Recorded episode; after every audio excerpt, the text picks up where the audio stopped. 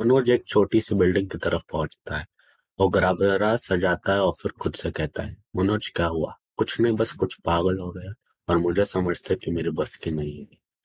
वो फिर बिल्डिंग के अंदर चला जाता है और रिसेप्शन में चला जाता है और फिर कहता है, ma'am, I have appointment. Receptionist फिर कहती है, विथ विच डॉक्टर? मनोज कहता है आदित्य कुमार रिसेप्शनिस्ट फिर कहती है have a seat will call your name when your turn comes when is a parent और गार्जियन कम आप बहुत छोटे हैं। पैसे भी है क्या तुम्हारे पास बेटा?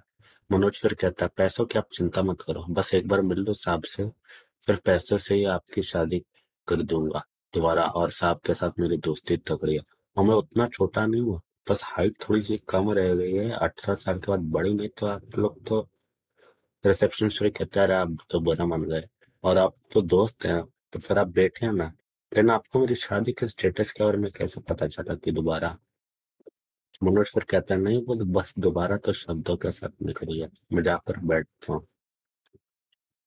मनोज फिर बैठ जाता और तभी उसे बड़े छोटे का एक फ़ोन आता है। बड़े छोटे फिर कहता है हाँ भाई, कैसे हो तुम? मनोज कहता है, एकदम मस्त हो यार, अभी भुट्टे की खीस खाने वाला हूँ, अभी मंगाया हूँ। अरे, आ भी गया फ़ोन बाद में करता है। फिर वो फ़ोन काट देता है और फिर खुद से विस्पर करता है, एक तो पहले ही ढोल रहा हूँ और झूठ बोलूँगा, क्या पता क्या होगा फिर बाजू में बैठा हुआ आदमी कहता है, मर जाएगा और क्या? रिसेप्शनिस्ट कहते हैं, पागल क्या है? कैसे हंस रहा है? फिर कहता है, "अरे पागल होगा तभी तो आया होगा फिर वो आदमी कहता है, "अबे बेवकूफ़ करीम समझो उधर आएगा पागल थोड़ी नहीं होगा उस हिसाब से तो तुम भी पागल हो गए। रिसेप्शनिस्ट कहते हैं लल्लू चुप रहे और ले तुम्हारी बारी आ गई जान पर। मनोज फिर कुछ से विस्फोट दोबारा करता मेरी बारी कब आएगी? लगता है साल लग जाएँगे कुछ देर बाद रिसेप्शनिस्ट कहते हैं, मनोज योर टर्न मनोज फिर कहता है, फाइनली ये फ़ोन पे वरना कब मैसेज भेजेगी, थक जाऊँगा मैं। ना आएगा रिप्लाई ना मैसेज पढ़ेगी अगले दिन, आकर एक सेंटेंस बोल के चले जाऊँगा। मनोज फिर रूम के अंदर जाता और फिर साइको बाबा को देखकर बोलता है, गले लग जाए यार मेरे साइको बाबा। साइको बाबा फिर कहता है, साले मनोज, तू तेरे जैसा दोस्त किसी को नहीं मिला। चल फुट ले यहाँ से।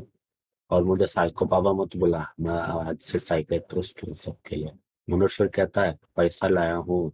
साइकेट्रिस्ट फिर कहता है, अरे फिर बैठ ना, खड़े क्यों और देख ग्लास भी रेडी अगर मन करे तो। क्योंकि क्या रहता है, अगर बुक्स तो पढ़ता है, उसमें दिया रहता है। मान ले किसी का मर्डर हुआ, ठीक है?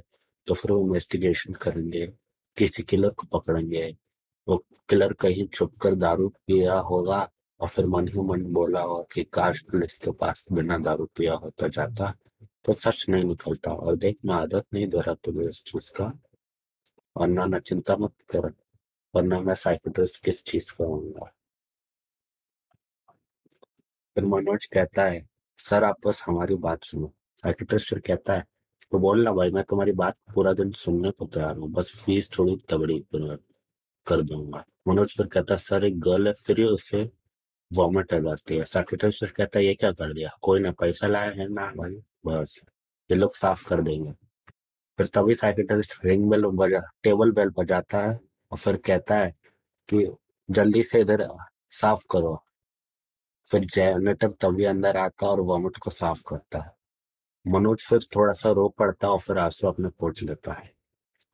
मनोज फिर कहता है सॉरी सर वो बात ही ऐसी है जो मुझे रुला पड़ा आई मीन रुला भी पड़ी और उल्टी भी आ पड़ी।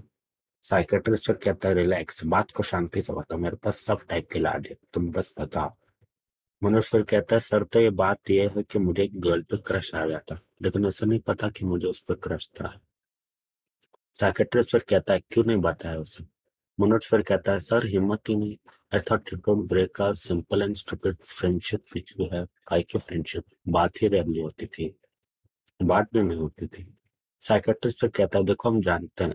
हम खुद फंस गए थे। और सुनो, एक बात ध्यान से। मैं तुम्हारे पास को नहीं जानता। आप अपने पास को मुझे यहाँ बताने लगे क्योंकि अभी हम लोग दोस्त ही नहीं थे मनोज फिर कहता है, सर, मुझे लगा कि कोई टाइप का बॉन्ड क्रिएट हो रहा है। मतलब मुझे ऐसा लगा वो भी मुझे पसंद करती थी, लेकिन जब वो घटना हुई, तब से मेरे स्ट्रेस वगैरह सब बढ़ गए। अभी एग्ज़ाम्स भी आया और जिस दिन उसने मुझे वो बात बोली, उसके तुरंत बाद मेरा एक सरप्राइज़ टेस्ट हो गया, क्योंकि उसने ब्रेक के टाइम में मुझे बोली थी बात। साइकेट्रिस्ट कहता है, क्या बोला था? मनोज फिर कहता है, सर, यही कि मैं उससे बात करना बंद कर दो। लेकिन जब वो ये बात कह रही थी, वो मुस्कुरा भी रही थी। ऐसा अंदर से फीलिंग आ रहा था कि उस पर प्रेशर है मुझे लीव करने का। या फिर वो तो कुछ कहना चाहती थी जो मैं समझ नहीं पाया, लेकिन शायद वो समझ साइकेट्रिस्ट फिर कहता है, एक काम करते एक पजल सॉल्व करते हैं, जिससे तुम्हारा स्ट्रेस भी थोड़ा कम हो जाएगा और एक डिश मंगवाता हूँ। और जहाँ तक मुझे लग रहा है she is trying to keep a boundary with you Manoj sir कहता है sir I will try to keep Neha after killing my bloody over like hundred times और सर नेहा तो कभी मेरा मैसेज पढ़ती है और कभी नहीं पढ़ती, लेकिन कभी रिप्लाई नहीं करेगी।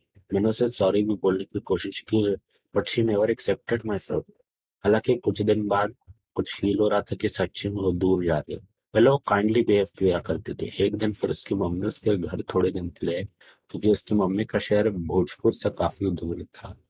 वो ऑफन मेरे साथ भी खाना शेयर किया करते थे, लेकिन उस दिन नहीं की।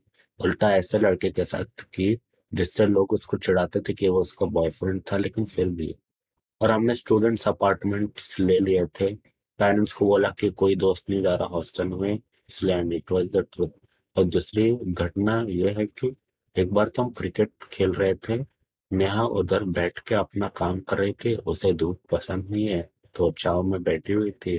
अब साला बॉल मारा बैट्समैन ने, मेरे एल पे लग गया, और इतना ज़ोर से चला कि सबको मालूम पड़ गया कि क्या हो गया। साइकेट्रिस्ट फिर कहता है तुमको जिस बात को पर्सनल रखनी चाहिए, वो नहीं रख रहे बाकी सब बताओ। रुक जा इलाज है मेरे पास इसका। साइकेट्रिस्ट रिसेप्शनिस्ट को फ़ोन लगाकर कहता है, एक काम करो, एक फ़र्स्ट क्लास पालक पूरी, भाजी और खीर और थोड़ा मालपुआ मंगा दो। आज पूरा एक नंबर बेस्ट फ़ूड खिलाएँगे से। मनोज फिर कहते हैं, इसकी ज़रूरत नहीं है। और मुझे मीठा नहीं पसंद है। पहले ही मैं मोटा हो गया लेकिन लोग कहते हैं कि मैं मोटा नहीं हूँ।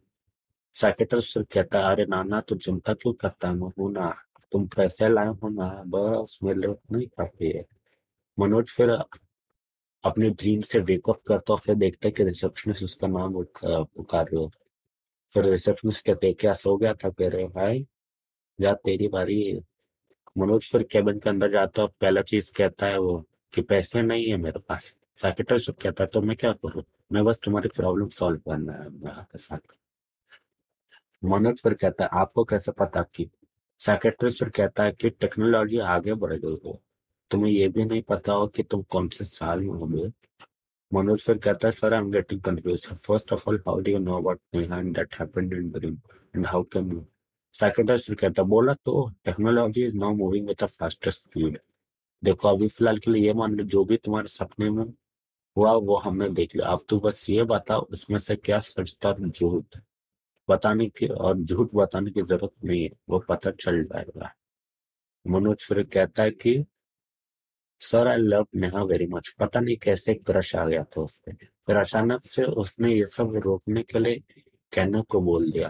फिर मनोज अचानक से खांसने लग जाता है। साइकेट्रिस्ट फिर कहता है, अरे आराम आराम से ये लो पानी पियो।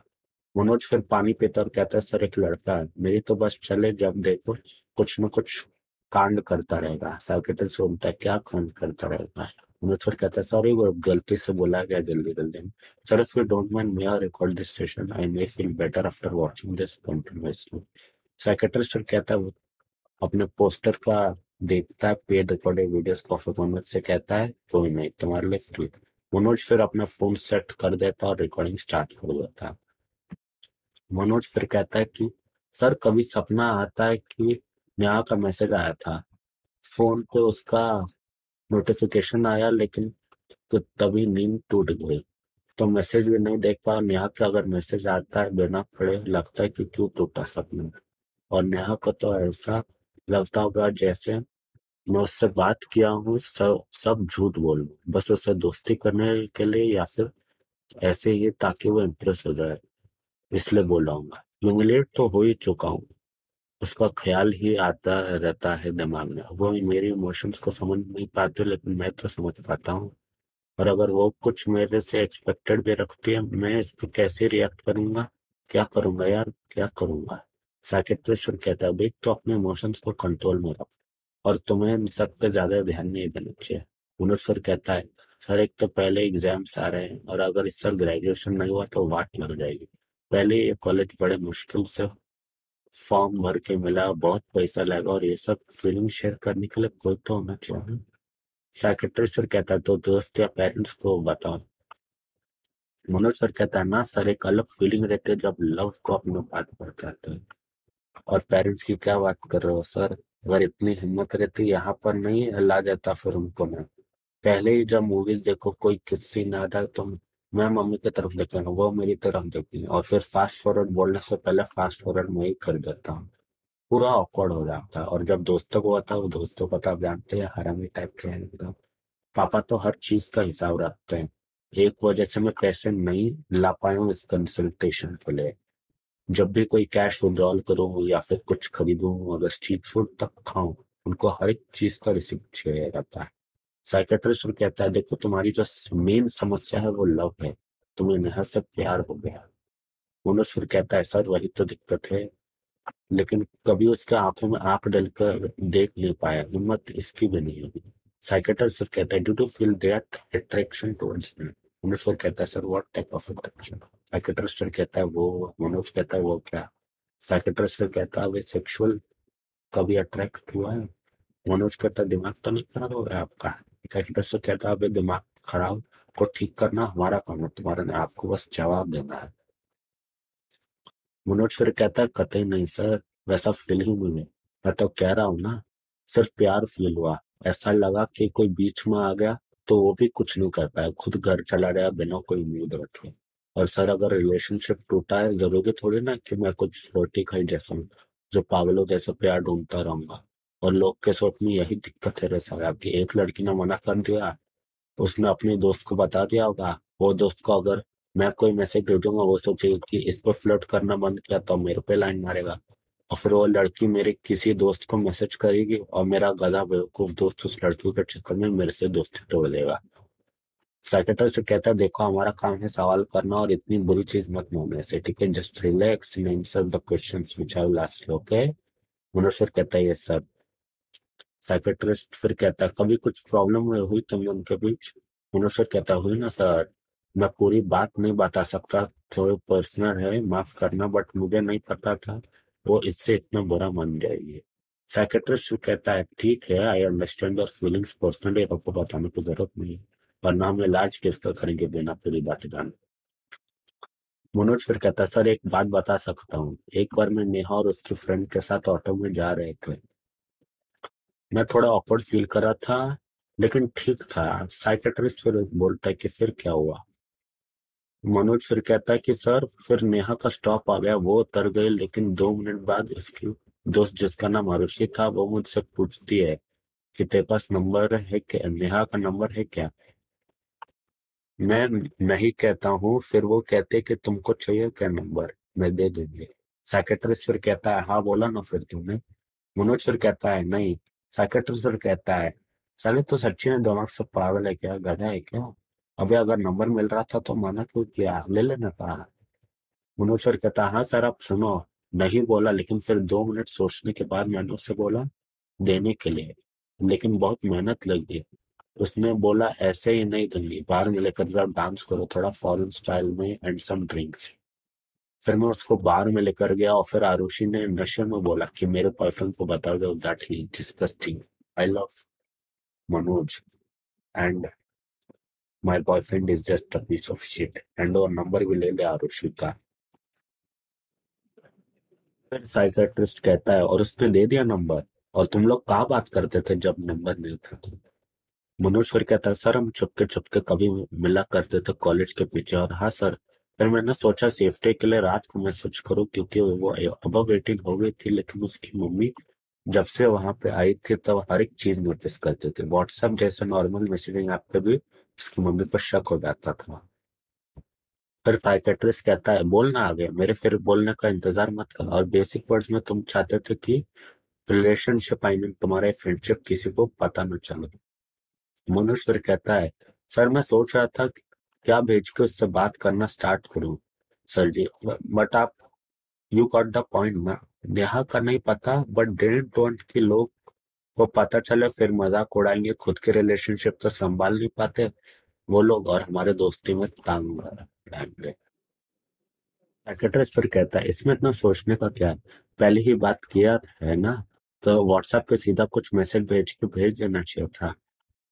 फिर कहता है, अरे सर, सोच समझ कर भेजना था, वरना कुछ ना कुछ कांड हो था तो मैंने उसे ही भेजा। साइकेट्रिस्ट फिर कहता है, फिर क्या हुआ भाई? मनोज फिर कहता है, वो दो मिनट बाद ऑनलाइन हुआ और उसने वर्ड था, लिखा और ब्लॉक कर दिया। पहले मुझे लगा वर्ड द फक लिख दिया। फिर सोचा काफ़ी इंसल्ट हो गई है, मैं ही ब्लॉक कर देता हूँ फिर पता चला बस लिख लिखा है, वो अपशब्द नहीं लिखा। का हम दोबारा से इस्तेमाल नहीं करना चाहते। कहता है तुम्हें कैसे पता कि ब्लॉक किया? मनोज और कहता कि उसका डीपी गया साइकेट्रिस्ट कहता है मतलब रूटली किया। मनोज फिर कहता है हाँ वही। साइकेट्रिस्ट कहता है, एक मिनट उसने व्हाट द हेक लिखा ब्लॉक कर दिया। ये क्या हो गया भाई? रुक, मुझे हंसने दो। साइकेट्रिस्ट ज़ोर ज़ोर पे हंसने लग जाता है। मनोज फिर कहता है सर मेरी मदद करना, आप तो छोड़ रहे हो मुझे। साइकेट्रिस्ट फिर कहता है, छेड़ नहीं रहा मज़ाक कर रहा हूँ। मनोज फिर कहता है द हेक साइकेट्रिस्ट फिर कहता है हाँ उसी पर हँसी आ रही और उसके बाद नेहा को पता चला कि किसने नंबर दिया मनोज सर कहता है, सर, उसी दिन सबसे बड़ा बवाल खड़ा हुआ। नेहा पागलों जैसे ढूंढ रही थी कि किसने नंबर दिया उसे आरोपी पे शक था, लेकिन फिर वो सोची कि सीक्रेट जिसके साथ शेयर करती थी, उसने आज तक किसी को नहीं बताया तो नंबर क्या बताएगी?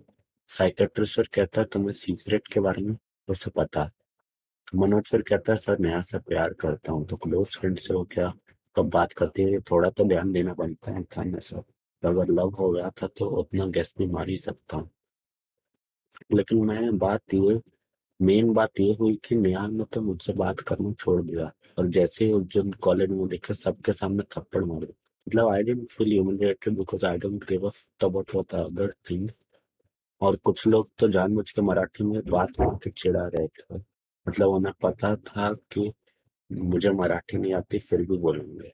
उसका कोई रिलेशन नहीं है, लेकिन ये सब ओवर थिंकिंग स्ट्रेस से इतना लोड नहीं लेना पॉसिबल नहीं हो पाता।